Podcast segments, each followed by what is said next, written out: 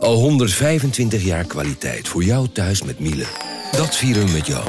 Ontvang nu tijdelijk een cashback tot 125 euro op veel Miele-apparatuur. Geniet van de kwaliteit van Miele. Voor perfect verzorgd wasgoed en kleding die veel langer mooi blijft. Voor een stralend schone vaat, even perfect als jouw diners. En een stofvrij thuis waarin echt hygiënisch schoon de standaard is. Check miele.nl voor alle feestelijke aanbiedingen.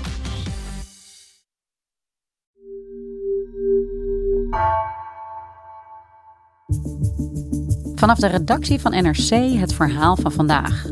Mijn naam is Floor Boon.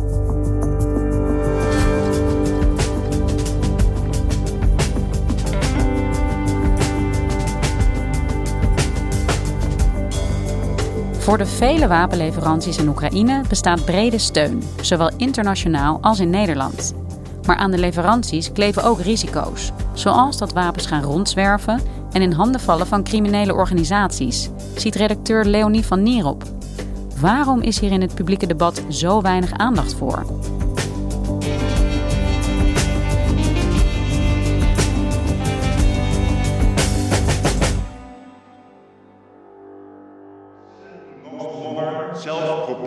Artillery. Complete lancering met Patriot Miljarden aan extra westerse wapens. Maar Hij heeft twee Leopard 2 tanks naar Oekraïne Die kopen samen 14 tanks. Hij stuurt ook munitie voor de tanks en raketten. T-72 tanks. Extra Leopard 1 tanks. kleinere wapens, ook naar hele bataljons, zware artillerie naar Kiev.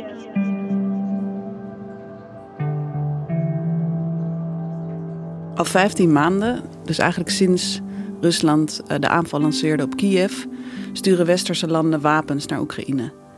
En daarover bestaat brede politieke consensus, zowel in de Tweede Kamer als binnen de EU en ook binnen de NAVO vindt de overgrote meerderheid dat de Russische invasie onrechtmatig is en dat het Westen Oekraïne moet helpen met wapens om zich te verdedigen. Nederland heeft al voor ongeveer 1,6 miljard euro aan militaire steun geleverd. En Nederland traint Oekraïnse militairen en zelfs gevechtsvliegers voor de F-16's willen ze trainen. En het was anderhalf jaar geleden nog echt ondenkbaar. Maar we zijn ja, inmiddels helemaal gewend aan al die nieuwsberichten dat er zoveel wapens naar Oekraïne gaan. Het is eigenlijk helemaal geen punt meer van discussie, want er is geen alternatief. Hè? Zonder westerse hulp is Oekraïne verloren. Maar er zit ook een schaduwzijde aan die massale wapenleveranties, waar we het niet over hebben. En die wel de moeite waard is om te bekijken. Ja, je hoort inderdaad elke week wel weer ergens een land dat wapens levert of gevechtsvliegtuigen of ander materieel. Welke negatieve gevolgen zijn dat waar je het over hebt? Wat zijn die schaduwzijden? Nou ja, allereerst is er het risico dat met die wapenleveranties het conflict uitbreidt naar de NAVO-landen of escaleert naar een kernoorlog. Uh, over die angst hoor je met name Duitsland heel vaak. Dat is heel bang dat Poetin Duitsland als agressor ziet. Maar geen enkel land dat wapens levert wil betrokken worden in deze oorlog. En we weten niet precies waar Poetins rode lijn ligt.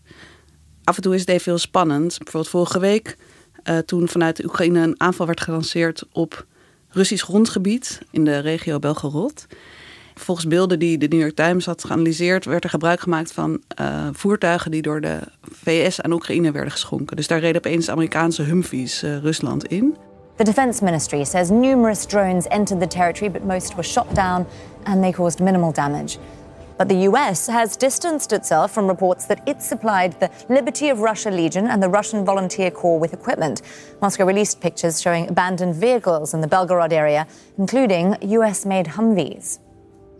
Dat liep tot nu toe met een sisser af, net als de droneaanvallen op het Kremlin van een maand geleden, waarvan het ook aannemelijk is dat Kiev erachter zit. Maar het is voor het Westen wel even billen knijpen. En ja, deze week werd Moskou alweer beschoten met drones. En hoe langer het conflict duurt en hoe geavanceerder de wapens zijn die worden geleverd, des te groter het risico op escalatie. En een risico dat daarmee samenhangt, en dat is een tweede grote zorg van wapenleverende landen, is het risico dat geavanceerde wapens in handen kunnen komen van niet-bondgenoten, zoals Rusland of Iran, die zo westerse technologie kunnen stelen. En misschien terecht, want CNN berichtte bijvoorbeeld laatst dat Rusland Amerikaanse Javelins, dat zijn antitankraketten, in handen hadden gekregen van Oekraïne en die naar Iran hadden gestuurd om na te laten maken. En Rusland kan die westerse wapens en technologie vervolgens gebruiken tegen Oekraïne, maar ook uh, voor propaganda inzetten of ook voor false flag operations. Dat zijn Acties waarvan ze dan Oekraïne de schuld geven. En dat kan de boel nog verder doen escaleren.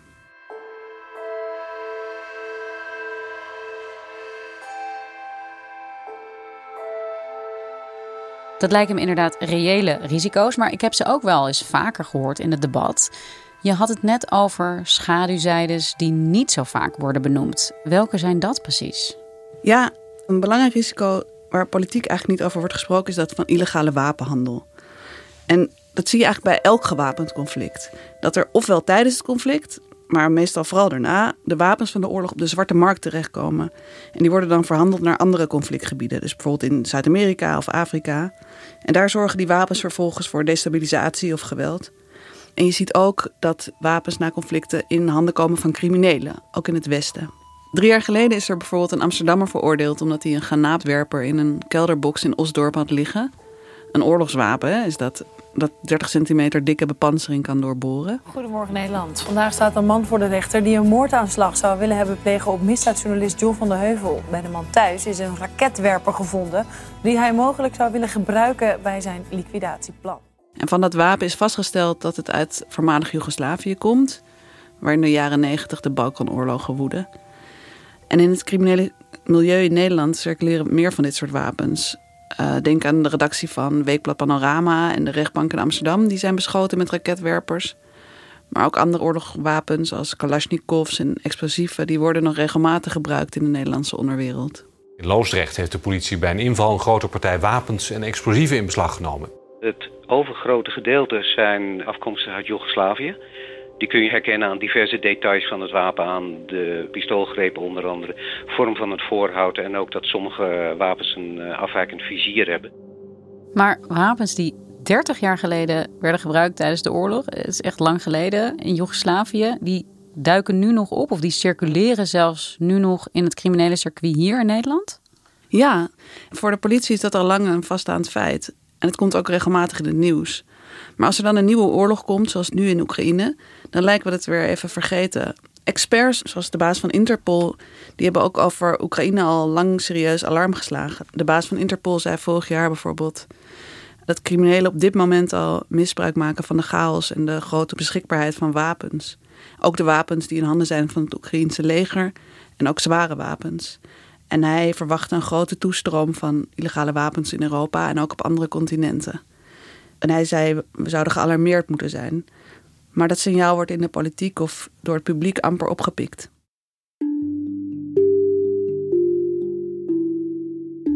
Wordt met al deze risico's rekening gehouden bij het leveren van die wapens aan Oekraïne? Nee, ja, voor het leveren van wapens wordt wel goed nagedacht over het risico van diefstal van technologie, maar amper over het risico van verspreiding van die wapens. Ik sprak iemand van Amnesty International hierover en die zei de levering van ruim 20.000 geweren door Canada is geheel onomstreden.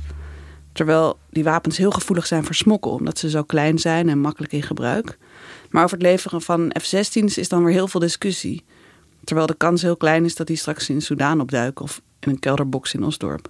En is er iets te doen tegen die smokkel, als die zo onvermijdelijk is? Ja, Nederland had bijvoorbeeld laatst de Oekraïnse politie over de vloer voor een training in de opsporing van illegale wapens. En de EU is bezig in Moldavië een anti-smokkelkantoor op te zetten, omdat de verwachting is dat na de oorlog veel wapens via Moldavië uh, Oekraïne zullen verlaten. Maar het hoofdontwapening van de VN vindt dat niet ver genoeg gaan. Zij zegt we moeten die wapens beter registreren. We moeten dus precies bijhouden waar ze zich na levering bevinden. Um, door middel van inspecties ter plaatse en internationale databases. Nederland doet dat niet. Nederland draagt de wapens over aan de Oekraïnse autoriteiten. En dan laat Nederland ze een verklaring tekenen dat alleen zij die wapens mogen gebruiken. En dan uh, volgt Nederland die wapens niet meer. En de VS doen dat wel. Als het niet te gevaarlijk is, gaan Amerikaanse functionarissen zelf in het veld in Oekraïne um, zoeken ze die wapens op en kijken ze van wat er nog is. En als het wel te gevaarlijk is, dan geven ze Oekraïnse militaire handscanners mee, zodat die Oekraïners de serienummers kunnen inscannen en die sturen ze dan terug naar een Amerikaanse database. Maar ja, dat klinkt uh, op zich goed. Uh, tegelijkertijd denk ik ook, het is een uh, bloedige oorlog aan de gang. En dan sta je daar met je handscanner hè, om een paar wapens proberen te scannen. Ja, lukt dit? Hè? Wordt die controle echt uitgevoerd? En heeft dat dan ook nog eens gevolgen als de Oekraïners dat bijvoorbeeld niet doen? Ja en nee. Het is natuurlijk geen waterdicht systeem. Het is en blijft een oorlog en dat is altijd chaotisch. En iedereen snapt dat als je aan het vechten bent, je wel wat anders aan je hoofd hebt dan uh, je materiaal te scannen. En dat erkennen de Amerikanen ook. Maar het verkleint denk ik wel het risico op diefstal van die wapens. Um, ook omdat je het, het bewustzijn van Oekraïnse militairen vergroot. Want voor een militair kan best wel aantrekkelijk zijn om een paar duizend euro te verdienen om een wapen te verkopen. Maar als je weet dat het niet in het landsbelang is om echt slordig om te springen met uh, de cadeaus van je bondgenoten. Omdat het ook kan zijn dat die bondgenoten dan stoppen met leveren. Dat zorgt wel dat je dan minder genegen bent dat te doen.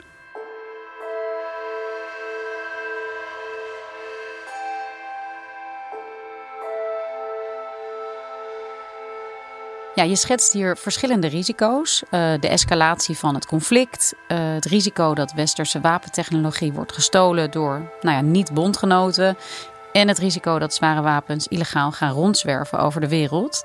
Hebben we de belangrijkste dingen dan gehad? Ja, um, voor sommige mensen is dat misschien een raar moment om over het milieu te beginnen, maar er zijn heel veel organisaties die specifiek onderzoek doen naar milieuschade door oorlog. Um, een voorbeeld van zo'n organisatie is PAX. En Wim Zwijnenburg is een van de onderzoekers die ik sprak. We krijgen natuurlijk vaak de vraag van waarom houdt een vredesorganisatie zich bezig met, uh, met milieuproblematiek in conflict. En uit de 12, 13 jaar dat wij dit werk nu doen, en we werken in heel veel andere verschillende conflictgebieden, Irak, Syrië, uh, Zuid-Soedan, dan zien we wat de gevolgen zijn van conflict op het milieu. Of in Nederlands een beter woord leefomgeving. Want het milieu is natuurlijk alles waar we ons in bevinden. Dus, dus de lucht die we inademen, het water wat we drinken, de grond die bewerkt wordt. Ja, het is misschien niet het eerste waar je aan denkt bij een oorlog. Maar de gevolgen kunnen wel heel ernstig zijn. Het gaat bijvoorbeeld om vergiftiging van drinkwater en landbouwgrond. En ook acute blootstelling aan giftige stoffen. In het oosten van de Oekraïne is een heel zwaar industriegebied. En daar worden heel veel aanvallen uitgevoerd. Maar daar zijn ook heel veel opslagplekken met chemisch afval en soms zelfs nucleair afval. En als bijvoorbeeld elektriciteitsinfrastructuur geraakt wordt, werken waterpompen niet meer. En dit afval ligt opgeslagen in verlaten mijnen. Grondwater kan al dat afval naar boven brengen en dat kan echt een, een, regionale milieuramp veroorzaken. En het gaat niet alleen om chemische verontreiniging, maar ook, uh, ja, je ziet ook in de oorlog dat hele natuurgebieden kapot gemaakt worden. En de Wereldbank schat de schade aan milieu in Oekraïne nu al op vele miljarden. En op lange termijn zien we ook dat er ontbossing plaatsvindt, uh, biodiversiteit wordt aangetast. En dat is niet iets wat wij vinden alleen. Dat is ook wat onze Oekraïnse uh, partners vinden en de Oekraïnse overheid, die daar heel veel in investeert. Uh, maar ook de VN is daar heel erg mee bezig. En dat kunnen we nu heel goed in kaart brengen. Nee, het milieu zal niet het eerste zijn waar mensen aan denken, nu de oorlog nog in volle gang is.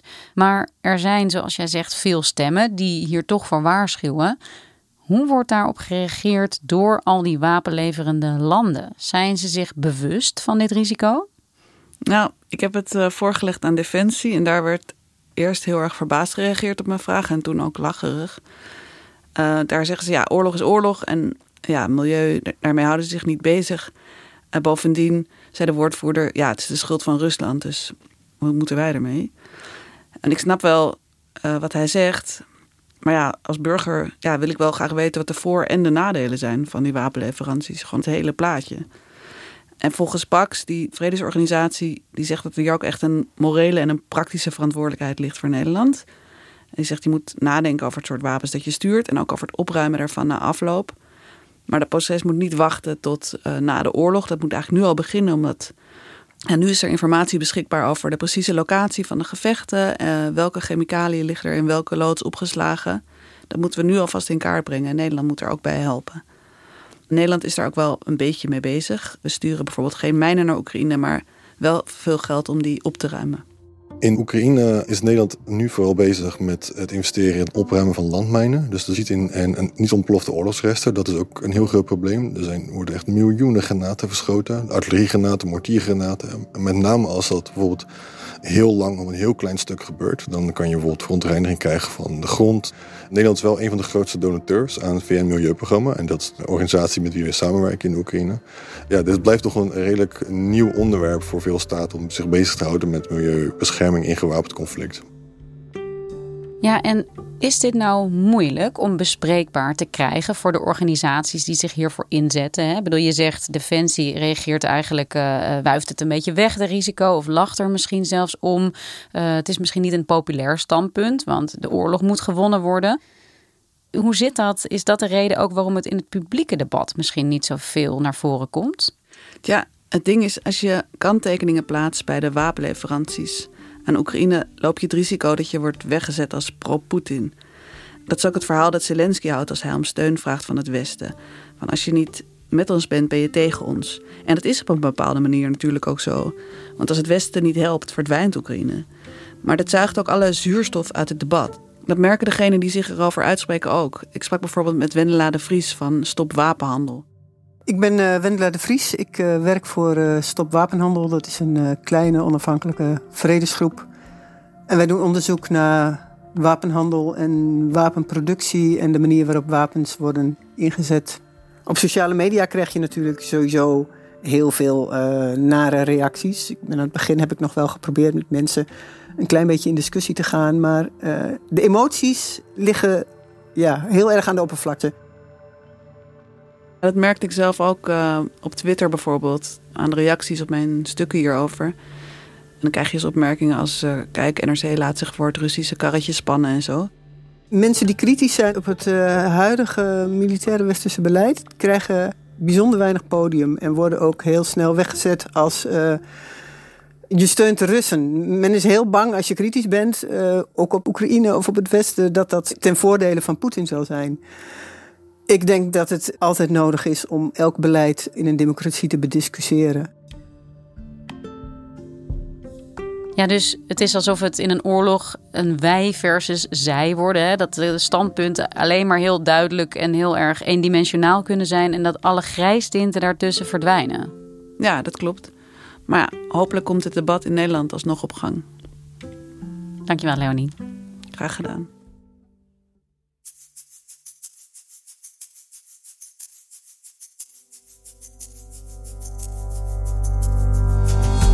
Je luisterde naar vandaag, een podcast van NRC. Eén verhaal, elke dag. Deze aflevering werd gemaakt door Anna Korterink, Iris Verhulsdonk en JP Geersing. Coördinatie Henk Ruigrok van der Werven. Dit was vandaag. Morgen weer.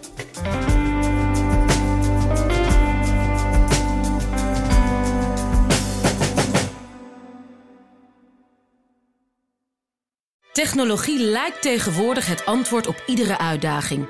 Bij PwC zien we dit anders. Als we de potentie van technologie willen benutten, kunnen we niet zonder een menselijk perspectief. Human-led, tech-powered noemen we dat. Ga naar pwc.nl.